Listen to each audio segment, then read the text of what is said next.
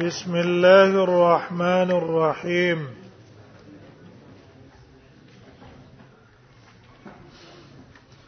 باب ما جاء في زكاة الذهب والورق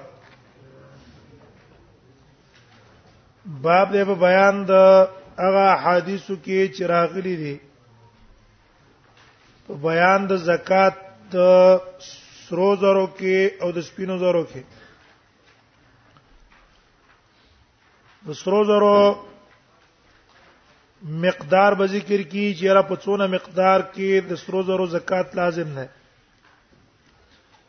همدارنګه د سپینو زرو په څونه مقدار کې زکات لازم نه دته ویل کیږي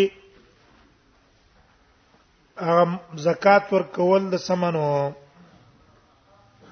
سمن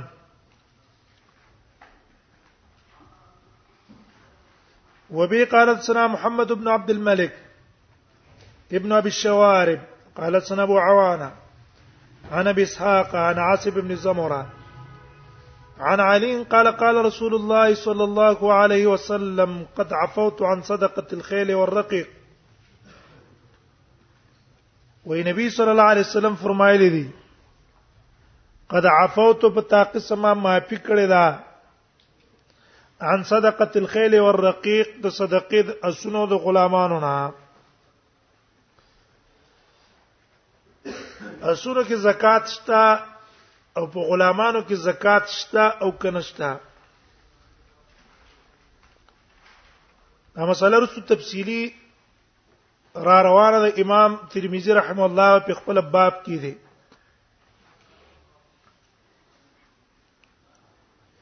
په دې خو اتفاق دی ک اسونه او غلامان د تجارتي زکات پکې ده او په دې مې اتفاق دی ک دا د پاره د خدمتي په زکات پکې نشته لیکن که اصل ساتلی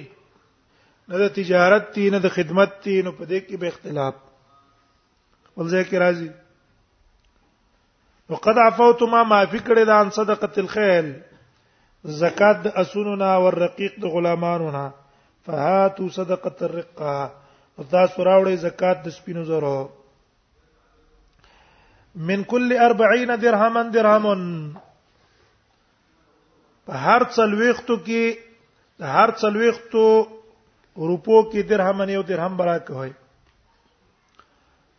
رقه یو سپین زر دی یو سره زر دی د سرو زرو نصاب جدا دی د سپینو زرو نصاب جدا دی د سرو زرو نصاب چې دی شل مسقال دی شل مسقال نه وتولې جوړیږي و تولې سونا چې د چا سره وا په د باندې زکات لازم ده د استعمال لپاره وا او که غیر استعمال لپاره وا که غیر استعمال لپاره وا په اتفاق په کې زکات خو په استعمال کې اختلاف چې ډول ډول او زینت لپاره خز استعمالي زکات په کشته او کنشته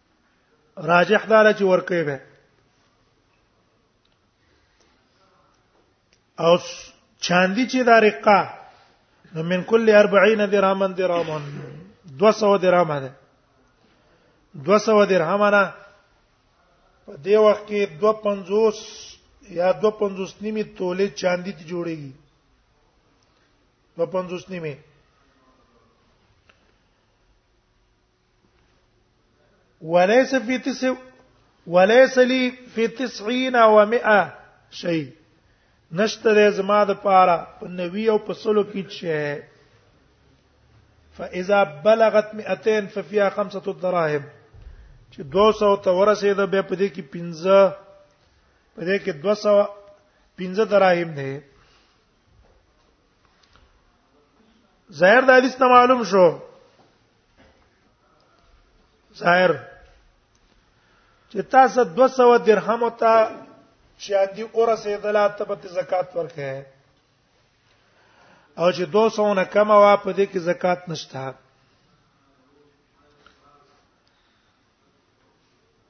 په دې خو اتفاق ده چې کم او زکات پکې نشته خو اختلاف په دې کې ده چې آیا دا چاندي 200 درهم چې تاسو رقم دي آیا دا به خالص چاندي وي او کنه ک نور شینه پکې ګټ شي وي هم دا زکات په تور کې وایګي 200 درهم دي خالص چاندي نه نور شیم پکې ګډ ده نو آیا په دې 200 درهم کې به خالص چاندي له اعتباري او کنه دا مخشوش پم په منځله د چای دا بم په شان ته د چاند دی دا اختلافي مسله ده یو مذهب دی د امام شافعي امام احمد دی وای چې 200 درهم ته چې 200 درهم چې برابر شو زکات په پرس کیږي نو شرط په پکې دای ان تكون الدراهم خالصه من الغش دا 200 درهم به بالکل پاکي د ګننا دغه په پیتل یا وسپنا یا بل شی به مکس نه بلکې خالص چاندی به 250 تولی دی وخت مقدار ته څو جوړیږي 250 تولی معنی خالص چاندی چې تی د ټانکو مانکو ارڅنه جدا کې څو تی جوړیږي دو سوا دا 250 تولې ته جوړېدلې نو به په زکات شته او ولا زکات فی المخشوشه حتا یبلغ الخالص منا 200 درهم او په دې مخشوش کې به زکات نه ترڅو پورې چې 200 درهم تر رسیدلې نه وي پېښې په مخشوشه ته پوه نه شوي چاندي شي نه تا جوړ کړی دي پیسې دي خو دې پیسو کې چاندیم ده او نور شي نه مسیو ځای کړی نو امام شافعي امام احمد وایي الا به 200 درهمه کې زکات ورکې چې دا 200 درهمه خالص ټول سپینځري 200 درهم وزن څو 250 تولې اوس په پیښوي چې خالصه چاندي څوې 250 تولې او که خالص چاندي 250 تولې نه و بلکې د غش سره 250 تولو تر رسیدله به په کې څه نشته زکات په کې نشته دویم قول امام بونی فده امام بونی فرحم الله وای چې لا یشترط خلوصها من الغش دا خالیواله د غش نه شرط نه دی د پاره د وجوب د زکات بلکې تجب فی المغشوش اذا غلبت فضته کله کسر زر سپین زر ډیرو او غش پکې کمو سپین زر غالبو او غش پکې کمو نو بیا پر کې زکات لازم نه زکات څه ده دقه شان اذا استوت اذا استوت الفضه وغيرها که غش او فزم مساوي بیا هم زکات ورکړي ها که غش په غالب شو او په زپ کم او بیا په زکات نشته زکا اکثر له حکم د سوي کولی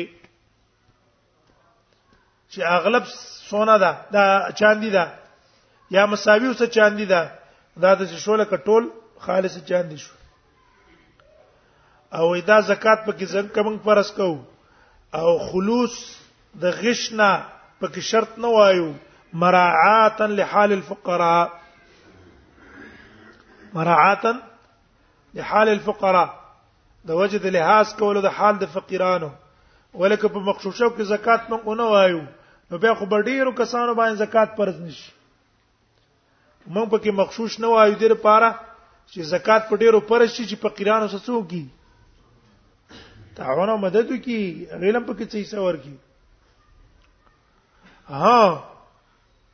که غشي غالبو چاندي کما وا او په دې پیسو کې د چاندي په ځای پیتل یا بل شي نه په غالبو بیا به د دې حکم په شان ته د عروض د تجارت حکم به د چای د عروض د تجارتي که د دې قیمت چا تر رسیدلو 200 درهم خالص تر رسیدو زکات به تور کوي او که قیمت چا تر رسیدلو 200 چاند تولې تنه دا 200 دا 50 تولو چاندې تنه رسیدلو بس زکات په نشته او امام مالک وای کچر تغش په غالب همو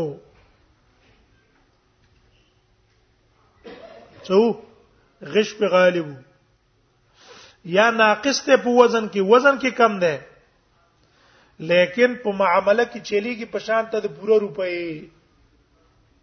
اے په وزن کې دا درهم د درهم نه کم نه او یا غش په کې ډیر دی خالص چاندي په کې کم ده خو لیکن په رواج او په معاشره کې په عرب کې بازاریان څنګه اخلي بازارانه په څه باندې بدلای په خالص روپۍ باندې بدلای نو ټیک د کدا روپۍ مخشوش هم ده او په بازار کې بدلیږي په چا باندې روغ روپۍ باندې په خالص چاندۍ باندې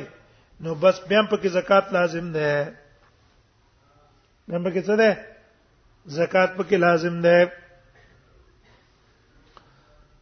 وليس في 90 و 100 شيء په نبيو او یو سل کې چې نشتا باندې یو سل نبی کې څه نشتا فاذا بلغت 200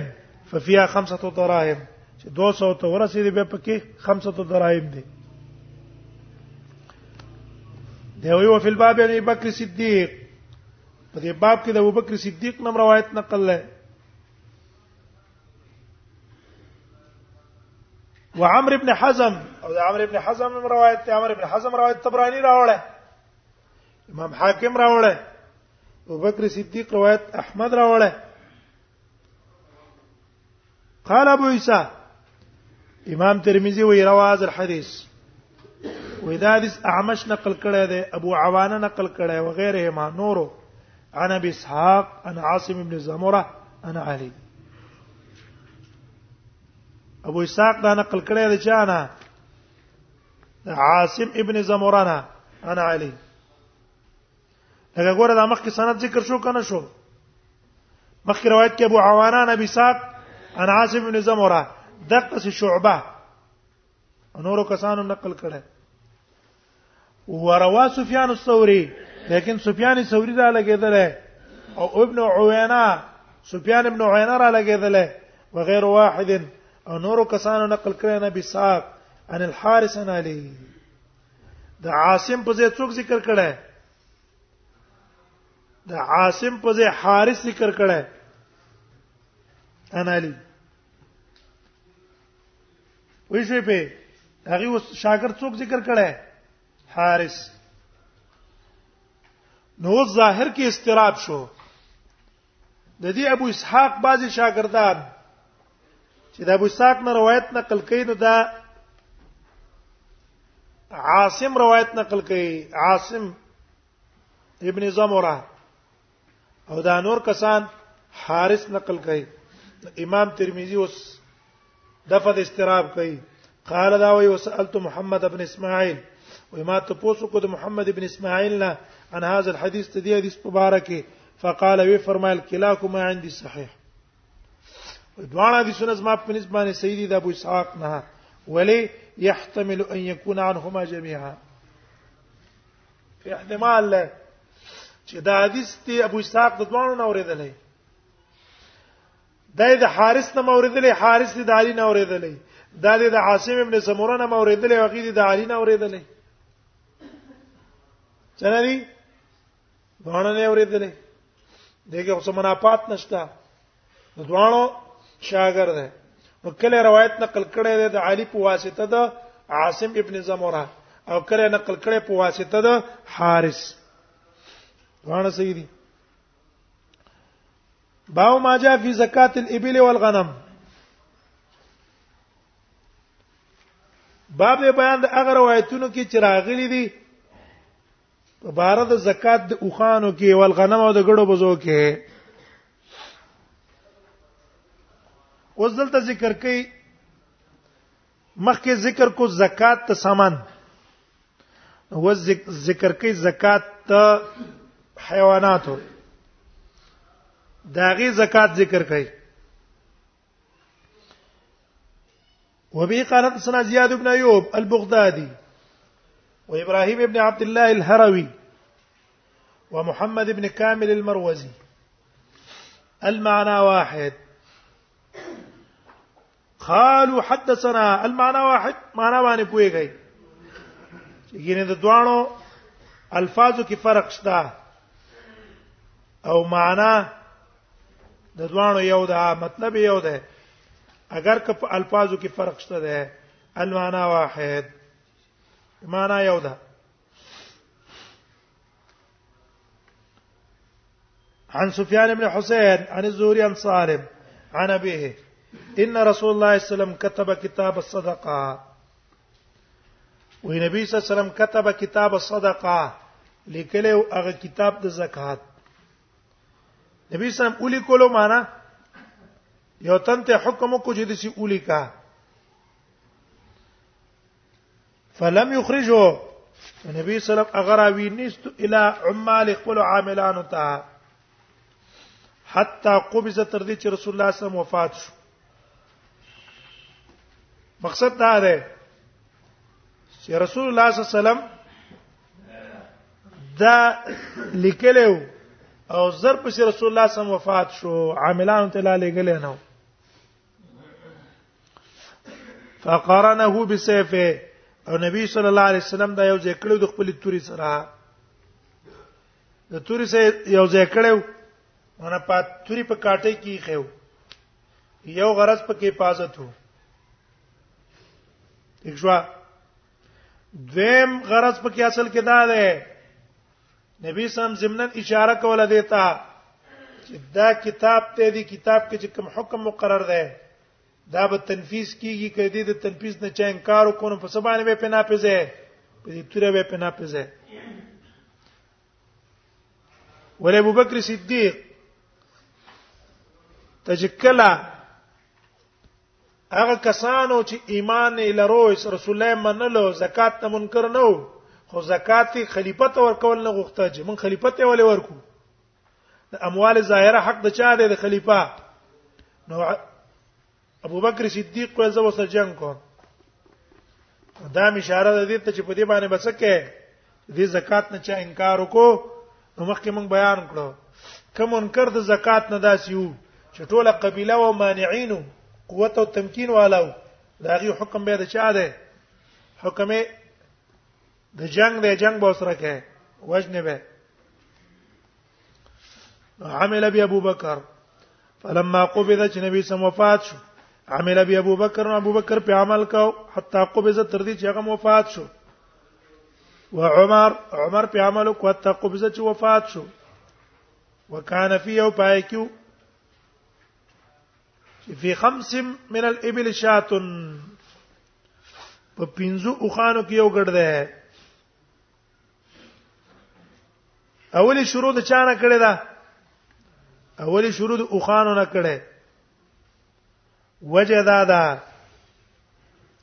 چې كانت اجل اموالهم وانفسها حينئذ په دغه ټیم کې قیمتي مال کوم مالو اوخو او عربو ته ډیر محبوبه مو زکه داګه نه شروع کړه وای په پنځو اوخانو کې شاتون ګړ دی ګړه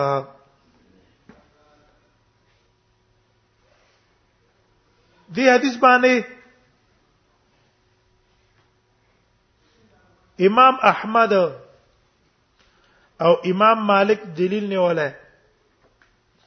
چې په پنځو اوخانو کې بغټ ورکه ګړه که مالک را اولګې دلو د ګډ په ځای بعیر و اوخ ورکو څه ورکړلو ګډه ور اوخ ورکو نو وای دات کاپی کیږي نه وښوي کنه خبر باندې ورسېدای پینځو خانو په ځای بچ ور کوي یو ګډه د دو اوخان د لس ګډانو په ځای باندې لس اوخانو په ځای باندې دوه ګډان پنځه لس په ځای درې شلو په ځای څلور بیا د پنځشتو کې هغه ابن مخاز ده اوس کې دی را اولګېدل د پینځو په ځای او خور کو یا د لسو په ځای او خور کو یا د شلو په ځای او خور کو د ګډانو په ځای پکې څو ورکړه اوخه ورکړه دی وې دا زکات نه ادا کیږي ولې نبی صلی الله علیه وسلم څه ویلي دي لپس د شاته ویلې ده نبی صلی الله علیه وسلم کوم لپس استعمال کو شات چې په څو کې دي په 25 په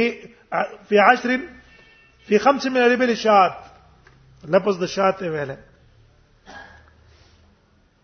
دیم قول د جمهور علما و ده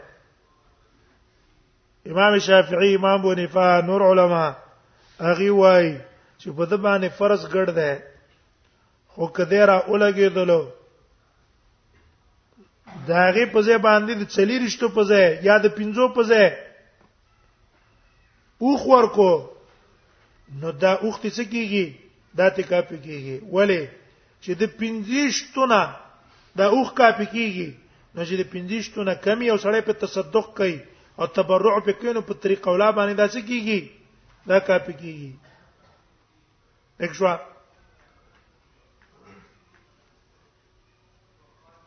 نو دا قول د جمهور علما شو وي په دې کې څه شه ده یو ګړ ده وفي عشرين او په لسو خانو کې شیطان دو ګړان دي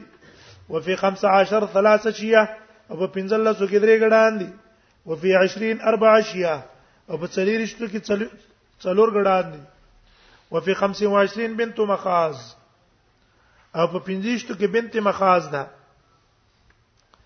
بنت مخاز هغه اوخه ته وای چې یو کال پوره کړی او په دویم کال کې سي ورننه وتلې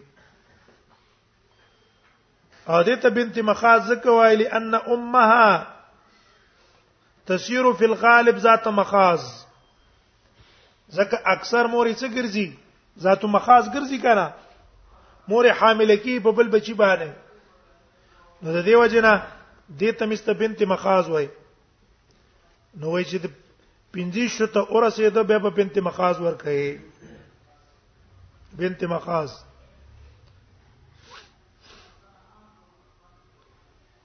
دا به ور کوي وګوره ظاهر حدیث نه دا معلوم شو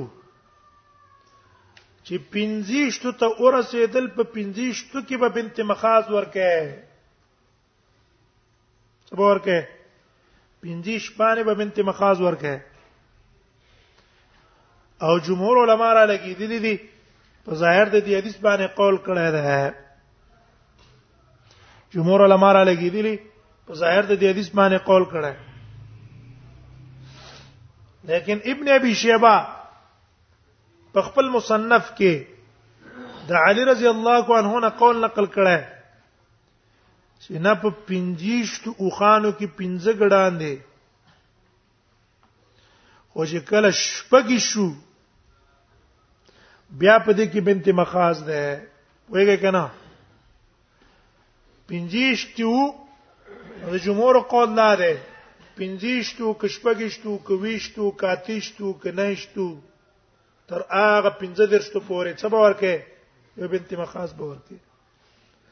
لیکن د علی رضی الله عنه قول نقل په مصنف ابن ابي شيبه کې چې څلې رښتو او پنځیش شو پنځه غړان شو چې شپږ شونه به په سره بنت مقاز ده او که شپږ شنو صرف پنځه شونه به پنځه غړان دي ابن ابي شيبه ته دا قول نقل کړه او دا قول د علی نه نقل کړي مرفوعا او موقوفا هم یو روایت کې نبی صلی الله علیه وسلم ته مرفوع کړه چې نبی صلی الله علیه وسلم د څه ویل او بلکې موقوف په علی ده لیکن د مرفوع روایت سند ضعیف ده بیا سفیان وای سفیان ثوری وای هاذا غلط وقع من رجال علی وای دا نسبت چې چا علی ته کړه ده دا خدای واقع شوی دا د شاګردانو د علی نه ولي وي فانه كان افقه ځکه علي ډیر فقيه د دینه ان يقول هكذا چې د څه خبره دی کی ولی وجداد لان فيه موالات بين الواجبين بلا وقس بينهما دا خو موالات ته د دوه واجبینو په منځ کې بلا وقت بینهما وهو خلاف اصول الزکات په منځ کې فاصله نشته ده او د اصول د زکات نه خلاف ده هغه دا چې پنځه شو پنځه غړانم پکړه او چې سباله پڅ شو شپږی شو موږ په پیڅو کو بنت مخاص پیو کو دا مالکانو ته تاوان ده کنه ده هلکان ته تاوان دی دیو جن دا د فقه نه خلاف دی او علي ډېر فقيه انسانو هغه دغه څه قوله چې د فقه نه خلاف یې هغه کوي نه فاذا زادت تر څو پورې لا 35 تر 15 درشتو پورې واذا زادت چې د 15 درش نور زیات شو یوم ففیا بنت لبون الى 45 پای کې و بنت لبون تر 15 څل وخت پورې بنت لبون الى 45 بنت لبون هغه چاته ویل کیږي چې دوه کال شي وي په دریم کال کې ورنوتلې او دته او بنت لبون زکه وای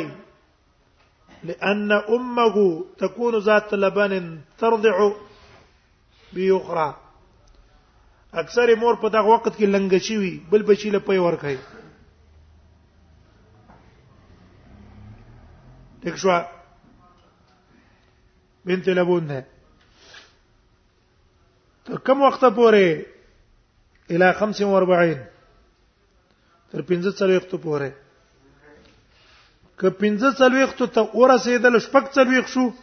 ففيها حقه الى 60 بیا به حقه تر شپې تو پوره حقه هغه ته چې درې کال شوي او په څلورم کال کې نه وتلې او دې ته حقه زکه وایي چې دا قابلیت سورې دو بارم پیوړل کیږي او دارنګ خزه چې بچي راوړي او کنري هغه دغه نه هغه نه بل حامل کیږي نه فاذا زادت نو کله چې زیات شو د شپېتونه ففيها جزعه الى 75 پکې به جزعي جزاغه توي شپږم پنځه کاله پوره شوه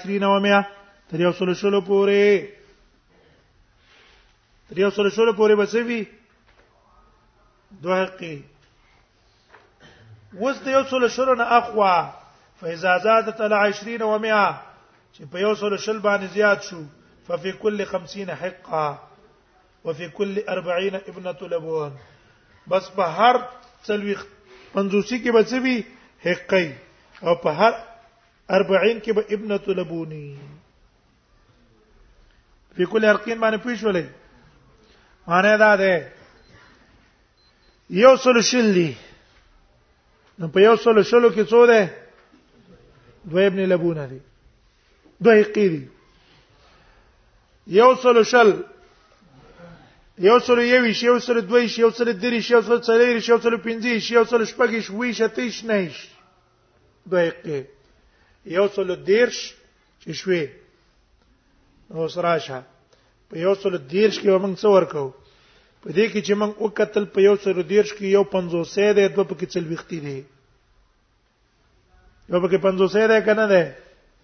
او دوه پکې چل وختي دي نه دي پکې 130 چې تقسیم کې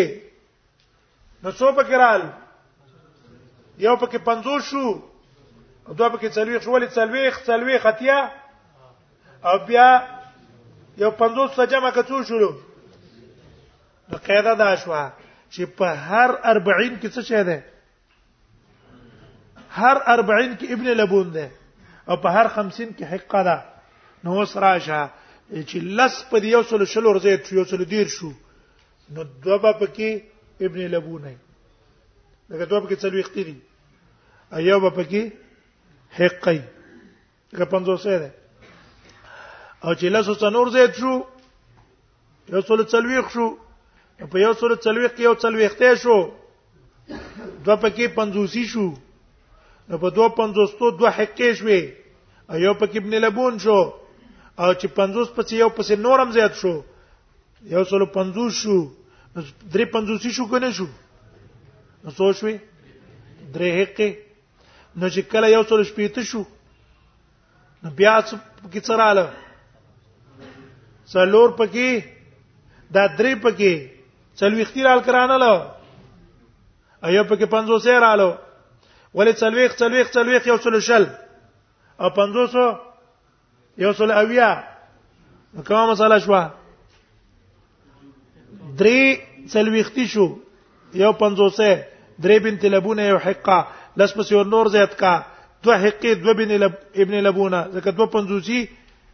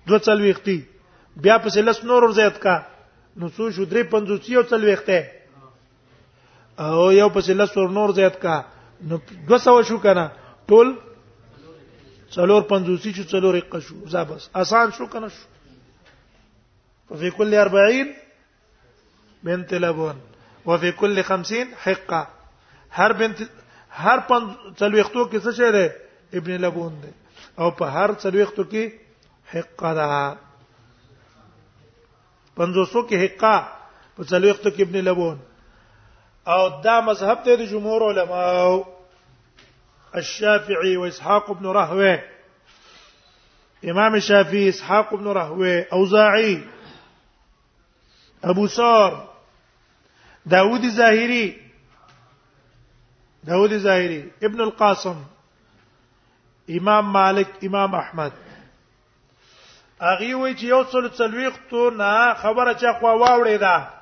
بس چې لس په زیاتې ده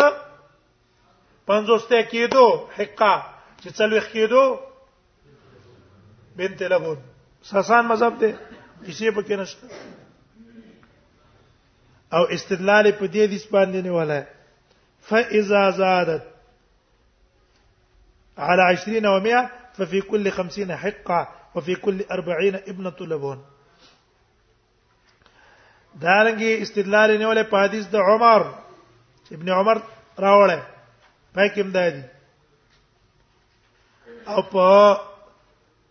کتاب د عمرو ابن حزم چې نبی صلی الله علیه وسلم ته لیکلو نبی سمو ته لیکلو پای کې دا دی فیضا زاد 320 ففي كل 40 بنت لبون وفي كل 50 حقه دا دریوانه روایتونه چار اوړي امام ابو داود راوړي دویم مذهب ده د علی د عبد الله ابن مسعود د امام ونیفا او داغه د اصحاب او د ابراهیم نخعی او د سفیان ثوری اغي وای چې تستانف الفريضه بعد ال100 وال20 د یو سل شل نو به تسر تق لین راو پس کو یو سل شل پورې خو څو چلے دا دوا حقې او چلے ده وس د دې نه 15 کپی ور زیات شو څه پی شو 15 پی ور زیات شو نو څه به ورکو ته حقې یو غړ ټیک شو 15 پی نور ور زیات شو یو سل دیر شو دوه حقې دوه غړان پنځه په نور ور زیات شو یو سل پنځه دیر شي سبا کو دوه حقې درې غړان او که پنځه په نور ور زیات شو نو سبا کو دوه حقې څلور غړان او که پنځه په نور ور زیات شو پنځه چې د یو سره شرط کې څو شو 45 شو کنه دوه حقي یو بنت مخاز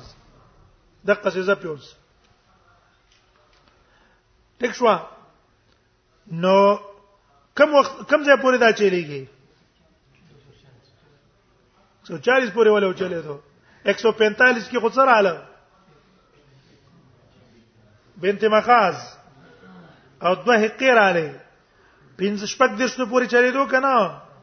شپږ درس کې ابن لبونو نو شکل په څو تور رسیدل 156 تور رسیدل سوتا 156 او 350 ته ورسېده نو دوه پکې حقي یو پکې بنت لبون شو به بنت لبون ته کوم ځای پورې چلے دو شپېتو پورې کنه شپېتو ته چورا سي ته پیسې شو جزاء دلته هم دقه څه واچوا شپېتو پورې به جزاء بیا به بیا حقه بیا چې کله حقه ته ورسېد نو درې حقې شوې کنه څو شوې درې حقې مساوي شي درې حقې چې شي بیا دوستانه په د دې نه بعد په پنځه کوزه ته ده ګډ وای دو په لس په زیاتې ده دو ګډان د قصه دوستانه فل فریضه استناب فریضه باندې ورسېدل دا دې استناب ته فریضه وکړو دیو استدلال نه ولا ده استناف الفریضه د پاره په یو روایت د ابو داود چې په مراسیلو کې راوړل او اسحاق ابن راهوی په خپل مسند کې راوړل اسحاق ابن راهوی په خپل مسند کې راوړل او امام تحاوی په مشکل الاثار کې راوړل ان حماد ابن سلمہ حماد ابن سلمہ روایت ته قال قلت لقيس ابن سعد وما قيس ابن سعد توي الخزلي كتاب محمد ابن عمرو ابن حزم وما تل كتاب محمد ابن عمرو ابن حزم راكه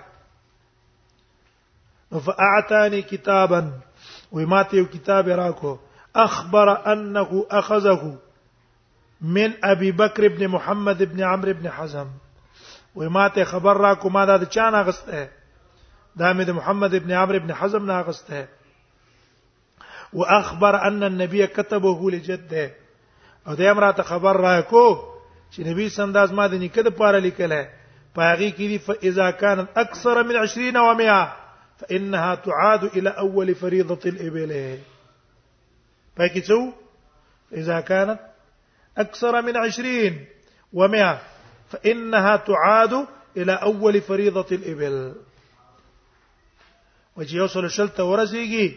دا بس کیږي فانها تعاد دا بر واپس کیږي چاته الى اول فریضه الابل اول فریضه الابل ته بر واپس کیږي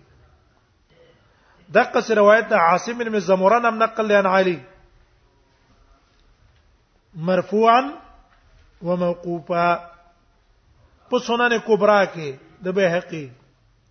او په محلات ابن حزم کې دقه سی روایت عبد الله ابن مسعود نم نقل له او پات شو چې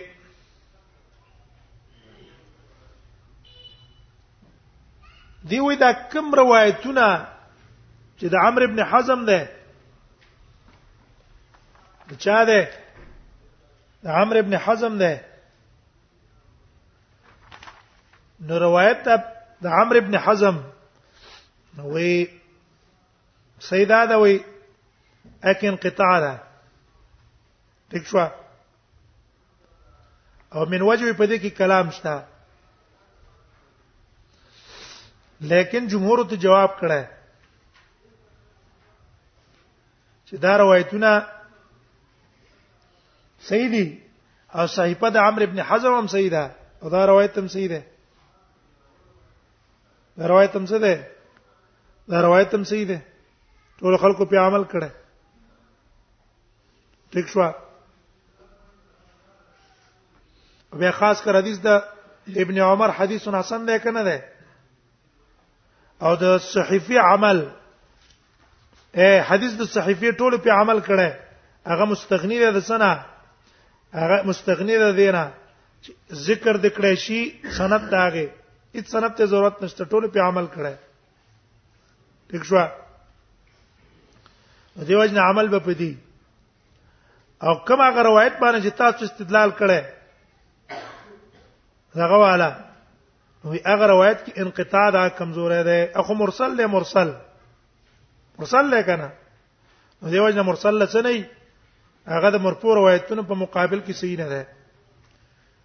نو صحیح دا ده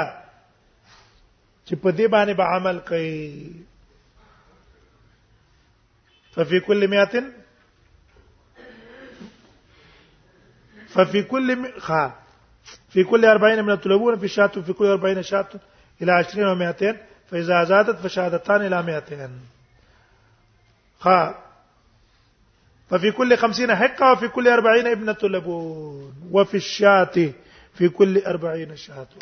بس يكونون